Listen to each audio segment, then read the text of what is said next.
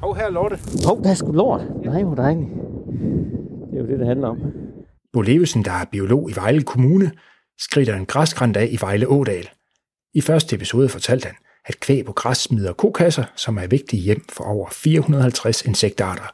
I denne episode kan du høre, hvordan møginsekterne giver et rigere fugleliv. Og man kan godt se, at den her lort, det er sådan en rigtig vinterlort. Lidt tør i det. Meget tør, selvom den er helt frisk. Der er ikke så meget væske i. Hvor man, nej, du, nej jeg gider ikke at røre med mine handsker.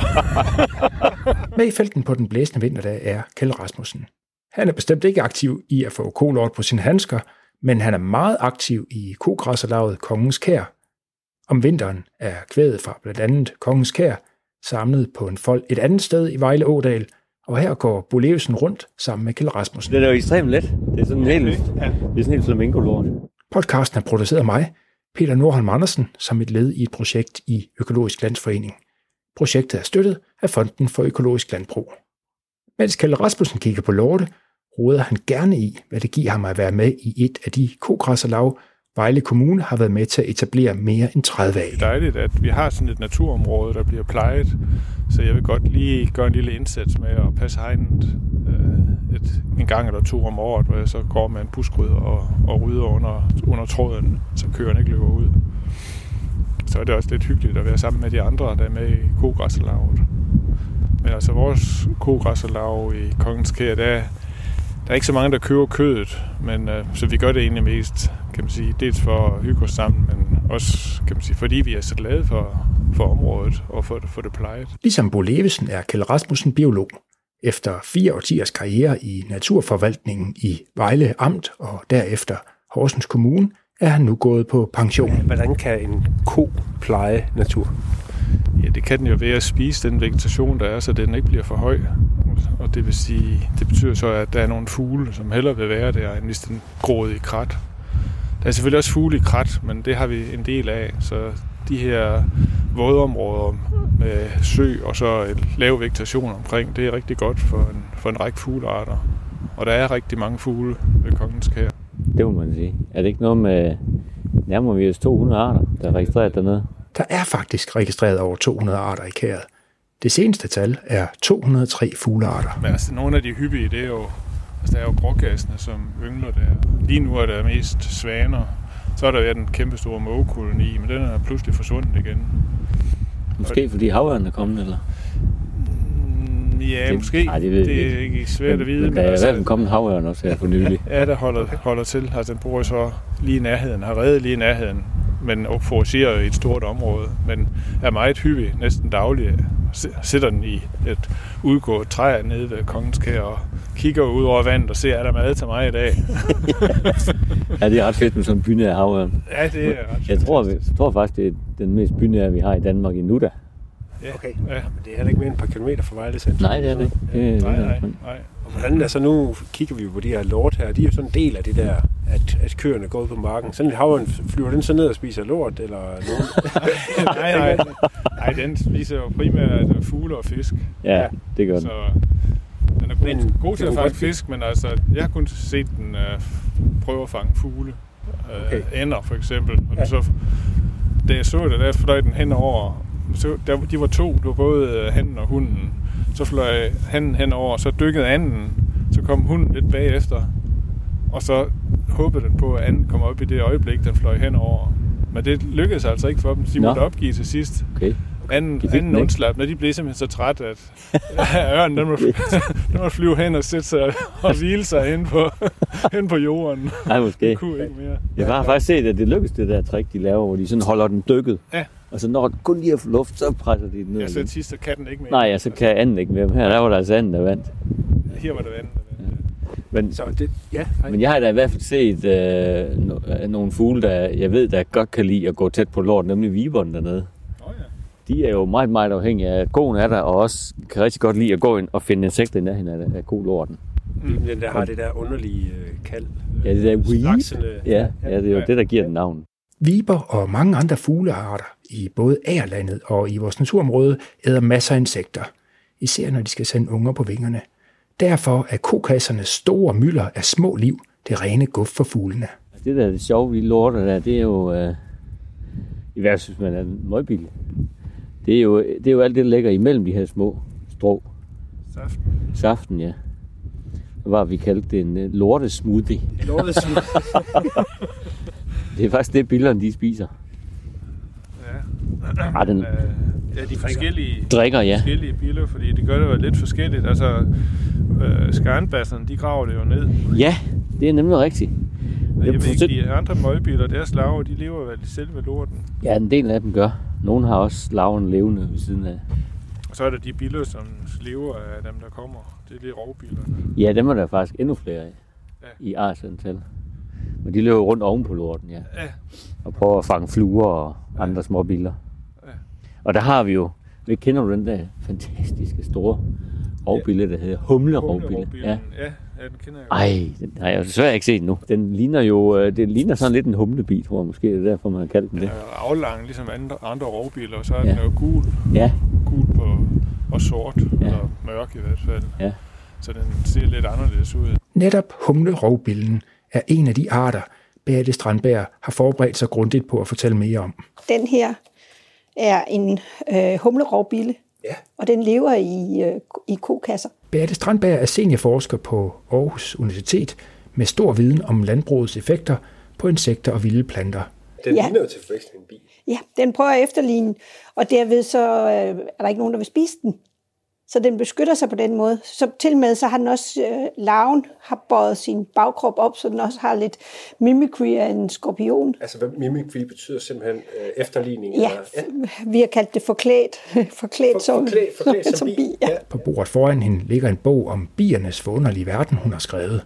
Ved siden af bogen putter sig en stak sammenhæftet ark med konkrete eksempler på insekter, der er helt afhængige af kokasser. Der ligger også et print af rapporten Insekters tilbagegang fra Aarhus Universitet, hun er medforfatter på. Hvad, hvad er det fede ved en kokasse? for et insekt. ja. øh, jamen, det er jo, det er jo øh, næring. Øh, hvad hedder det? øh, Kokassen indeholder jo delvist omsat organisk øh, plantemateriale. Så, øh, og det er det. Øh, Det giver sig selv, når koen går ud og græsser, så er det Ja. græs Ja. og de planter, der ellers gror i græsset. Lige Og præcis. det er dem, der havner i, Ja, i, i kokassen. Mere eller Men mindre de omsat. kommer fra stand. I første episode af vores podcast kunne du høre, at rapporten Insekters tilbagegang desværre er dyster læsning. Alle insektfamilier i Danmark er presset, især dem, der er dybt afhængige af lort, som de store kasser for kvædet. Og ikke mindst den gødningsglade insektfamilie, kaldet tobister, er presset. Hovedårsag? Færre kreatur kommer på græs. Og det er det, øh, hvad hedder det, blandt andet tobisterne, men også andre insekter, der lever i tilknyttet til gødningen, øh, lever af. Og så er kokassen jo også en dejlig fugtig sted, så øh, der, den tør heller ikke ud, øh, hvis den har sit lavliv nede i kokassen. Vejle Kommune har en klar strategi om at fremme insektliv, fuglekvideren og den øvrige natur. Ikke ved hjælp af hestekræfter, men med kvæg og kokasser som motor.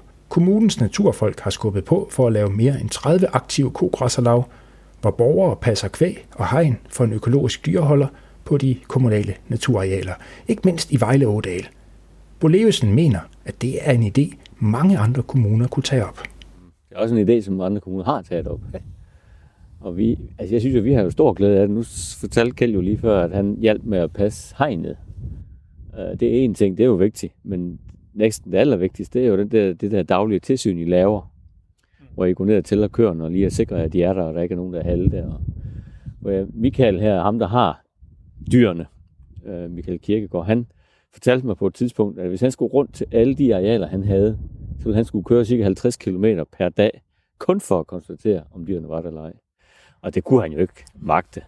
Så var han jo nødt til at indskrænke sine arealer. Så det er meget fint, at der kommer nogle øh, byboere inden fra Vejle øh, Super fint. ud på i jeres naturområde. Ja, det er rigtig fint. ja. Og Det, jeg synes jo, det er, for min stol, der, der er der jo flere fordele. Dels, hvis I, får, I har et socialt samvær, du, det er jo super fint. Men også det der med, at, at folk lærer lidt om, hvad er egentlig natur, og hvad, hvad laver de køer der, hvad gør de egentlig godt for? Ja. Altså den der naturforståelse, der, den kan jeg jo godt lide, den kommer lidt ind. Ja, der er helt klart nogen ligesom som dig, der ved en masse i forvejen, og som bare gerne vil bakke op om det gode projekt. Men der er også nogen, der sådan har, er nysgerrighed, eller, eller måske en, fordi de, de har set nogle gode udsendelser i fjernsynet, og hvad, hvad kan vi gøre? Og så har de opdaget, okay, jeg kan faktisk gøre noget ved at melde mig ind i sådan en. Men det er mere og mere gået, gået over i retning af, at vi vil gerne være med til at passe på naturen. Ja. Og kødet, det bliver mere og mere sekundært. Ja. Og det, Ja, okay. vi har da vegetarer, der er med i kogræslav, for eksempel. så, så de, de tog noget rent flag. Det, det er der- mest for naturens skyld. Og det, og det der konen så spiller en væsentlig rolle. øh. Ja, fordi så, de kan jo, så, så kan de jo godt se, fordi det er også noget, vi, vi har sådan, vi har gerne sådan et par arrangementer i løbet, eller vi har et stort arrangement årligt, hvor vi samler alle kogræslavene til et eller andet naturarrangement, hvor vi jo så fortæller lidt om, hvad er det egentlig, der foregår ude i naturen. Og det plejer der at være rigtig god tilslutning til. Økologisk kvæg skal på græs hele sommerhalvåret. Den regel omfatter i alt ca. 200.000 kvæg, der er garanteret græs under klovene i mindst 6 måneder om året. Hos de kommersielle landmænd kommer kun ca. 40% af kreaturerne på græs. Det betyder, at næsten 800.000 kvæg i de konventionelle systemer lever hele livet på stald. Samlet set kommer kun halvdelen af alle omtrent 1,5 millioner danske kvæg på græs. I 1960'erne var der over 3 millioner kreaturer på græs hver eneste sommer. Kjell Rasmussen påpeger en udfordring, nemlig at finde den rette balance mellem antal af græsstrå og græsne dyr. Men jeg synes, en, en udfordring, det er jo, at hvis du vil have rigtig fin natur, så må det jo ikke, altså skal det jo ikke græsses ned om sommeren. Så må der jo Nej. kun gå meget få kreaturer. Ja, så blomsterne kan få lov at blomstre. så blomsterne kan få lov at blomstre. Ja. Fordi det vi ser nu på arealer, også det her areal, det er jo græsset helt ned. Ja. Ja, det gør ikke noget på den her også årstid. godt om vinteren. Lige præcis, ja. Men altså om sommeren... øh, Nej, der må det ikke se sådan her ud. Nej, der må det ikke se sådan ud. Den vurdering er Beate Strandberg helt enig i. Vi, jo, vi ser desværre tit, at der er lidt for ma- mange dyr på markerne af gangen. Det vil sige, at vi får en meget øh, tæt nedgræsning. Og dermed så øh, er der ikke ret mange blom- blomster for eksempel tilbage. Så andre insekter, øh, de, altså de blomsterbesøgende insekter, som jo også er i tilbagegang, fordi blomster er også en begrænset ressource. Øh, det er ikke nødvendigvis så godt for dem, så det, det er ikke sådan, man kan sige, det er super godt for alle grupper. Øh, der skal noget mere ekstensiv græsning til, hvis man skal have en, en rig blomstring på græsarealerne. Vi vil rigtig gerne have dyr på markerne, og vi vil gerne have dyr også ud i nogle flere, hvad hedder de, øh, biotoper, end vi ser i dag. Også til, øh, hvad hedder det, de mere øh, ekstensive naturarealer. Øh, der er rigtig mange steder, der mangler græsning, hvor vi snakkede om, der sker tilgroning. For Kjeld Rasmussen er det tydeligt, at herrefolkvædet i kongens kær kickstarter fuglelivet. Tænker du, at fuglelivet være anderledes, hvis det var sådan, der ikke var kreaturer nede? Ja, det er jeg ret sikker på, fordi så vil det blive en stor øh, tagrørskov og efterhånden også et pilekrat. Så det vil ændre hele karakter, hvis der ikke var afgræsning på arealet. Så det, øh, det er rigtig fint, øh, fordi det fremmer så Så hvad er det for en, altså, hvad er det for en natur, hvad er det for en fugle, der kommer ved, at køerne går der? Jamen, det er blandt andet vadefugle, og det er sådan noget som grågas. De vil jo ikke være der, hvis der var en hel masse buske og, og træer. Så, og vadefuglen er helt afhængig af en lav vegetation. Ænderne kan vi se, de går også op og græsser på, på marken, altså pibeænder i træktiden for eksempel. Så, så det er fint, at det bliver, vegetationen bliver holdt nede på den måde med kreaturafgræsning. Hvis du er sådan noget som viber og pibeænder, det er bare mega fedt, eller hvordan? ja, jeg kan godt lide fugle, så øh, og kan man sige, sådan noget som viber, de er jo aftaget meget i antal, øh, fordi vores landbrug er blevet mere intensivt. Så det er vigtigt, at der er nogle arealer, hvor de kan være, og deres unger kan være og finde mad. Øh, fordi ude på landbrugsarealerne, der, der er der ikke så meget øh, føde til dem. Det skal jo gerne være steder, hvor der er noget insekter, og, som, som ungerne lever af. Bliver du så lidt glad, når du ser sådan en vibe dernede? Ja, ja, jamen jeg nyder at se fuglene, alle de forskellige slags, og hvordan det ændrer sig over, over året med i forår og efterår er der trækfugle, og om sommeren er der ynglefugle. Sagt med andre ord. De insekter, der trods alt stadig er almindelige, spiller en central rolle i naturens fødekæde. Det er Bolevesen helt enig i. Hvad betyder kolortene for de der, dem der er mange af? De almindelige insekter. Øh, Jamen altså, det er jo godt. Altså, jeg har de jo et sted at være. Altså, alle de almindelige møgbiler skal jo skal også være et sted. Og øh, de, når de ikke er så krævende, jamen, så, så skal de egentlig bare have en ko og noget lort. Ikke? Det, det er punkt et. Og det skal helst være, medicin, være medicinfri, den lort der. Det er faktisk de krav, de stiller. Og det kan vi godt opfylde mange steder. For eksempel nede i Kongskær. Så er det så også, at der er også nogen, der lever af de dyr, der lever af lorten. Yes. Det vil sige, det tiltrækker så også nogle rovdyr. Altså rovfluer, der kommer og spiser ja. gødningsfluerne, og rovbiler, der kommer og spiser nogle af de andre biler. Ja. Så det giver en højere diversitet. Og hvis der ikke var dem, der nu lever af lorten, jamen, så var de andre der heller ikke. Har I set gul webchat faktisk nede i Kongskær? Den kunne jo godt komme der. Om ikke andet i hvert fald træk. Det har jeg for nogle år siden. Ja, ja. Den er jo også super afhængig af, at græsset er lavt, og der den vil også rigtig gerne gå og nips mm. insekter på kolorten. Det er Jeg også tror godt kun, det har været som trækfugle. Ja, ja, det tror jeg også. Det, Ja. Man kan ikke være så heldig at nymle sådan et lille sted. Der. Nej. Men bare det, den lander som trækfugl, det, er jo, det gør den jo kun, fordi der er noget mad til den, når den kommer. En ting er, når vi mennesker oplever et mangfoldigt fugleliv. Men hvilken værdi har diversiteten af insektarter? Det er svært at se biodiversiteten med sådan nytteværdisbriller, fordi øh, vi ved, at øh, det er få almindelige arter, der primært bidrager til det, vi kalder økosystemtjenester. En økosystemtjeneste, det er en nytte, som vi mennesker har af, øh, hvad hedder det, arter i naturen. For eksempel bestøvning af Ja, lige præcis. Ja, ja. Øh, den kan jo have en værdi, hvis det er øh, bestøvning af æbletræer eller bestøvning af andre afgrøder. Øh, så har den jo en værdi. Og det er den, den nytteværdi, øh, man kalder en økosystemtjeneste. Så det er ikke noget med, med funktionaliteten som sådan i økosystemet. klares med langt færre. Ja, så vi kan ikke, hvad skal man sige, forsvare, øh, eller med, med baggrund i biodiversiteten sige, at, at det de, den funktion, de har for os, er den vigtigste årsag til at beskytte biodiversiteten. Det er simpelthen øh, for at passe på den mangfoldighed, der er af arter i naturen, at man skal beskytte biodiversiteten. Og øh, en sidegevinst ved at have en, en stor artsdiversitet er også, at man er meget mere, øh, hvad skal man sige, naturen er meget mere tilpasset forandringer. For eksempel de klimaforandringer, vi ser lige nu. Måske husker du, at jeg i første episode afspillede en video med den lorteglade Morten D.D. Men der er nok mange, der spørger, hvad? Hov, hov, hov, hov, hov. Der er gravet hul her. Ja, det er fandme i første hug. Hold kæft, mand. Er man skarp, eller er man ikke skarp? Der ligger en mål til vist. Også juble sådan her. Jeg, må, jeg må måske, øh, ja, jeg vil helt sikkert synes, det var fedt. Det er jo en virkelig sjælden art. Altså, Der ligger simpelthen en mål til vist. der er, ingen, der er ingen noget at sige til, at han er begejstret. Du har lyttet til anden episode af Kvæg på Græs giver mere liv. Skynd dig at lytte til første episode, hvis du ikke allerede har hørt, hvordan et stort økologisk landbrug bidrager til et rigere liv i ærlandet ved at sende kreaturer på græs. Tror du, den her glæde, han har, er vigtig i forhold til opmærksomheden omkring? Og, Helt sikkert, ja. Folk bliver jo, man bliver jo grebet af det. Ja. Altså hvis man bare stod og sagde, nå, der var en månetubist, mm, det er sjældent dyr, så var, det, altså, så var det jo forbi over and out. Begejstring smitter jo. Så der er lidt mere at få talt insekterne op her også. Måske. Jo, øh, ja, og også specielt sådan en gruppe, som måske ikke øh, lever et sted, som de fleste synes er, er særlig fedt. Øh.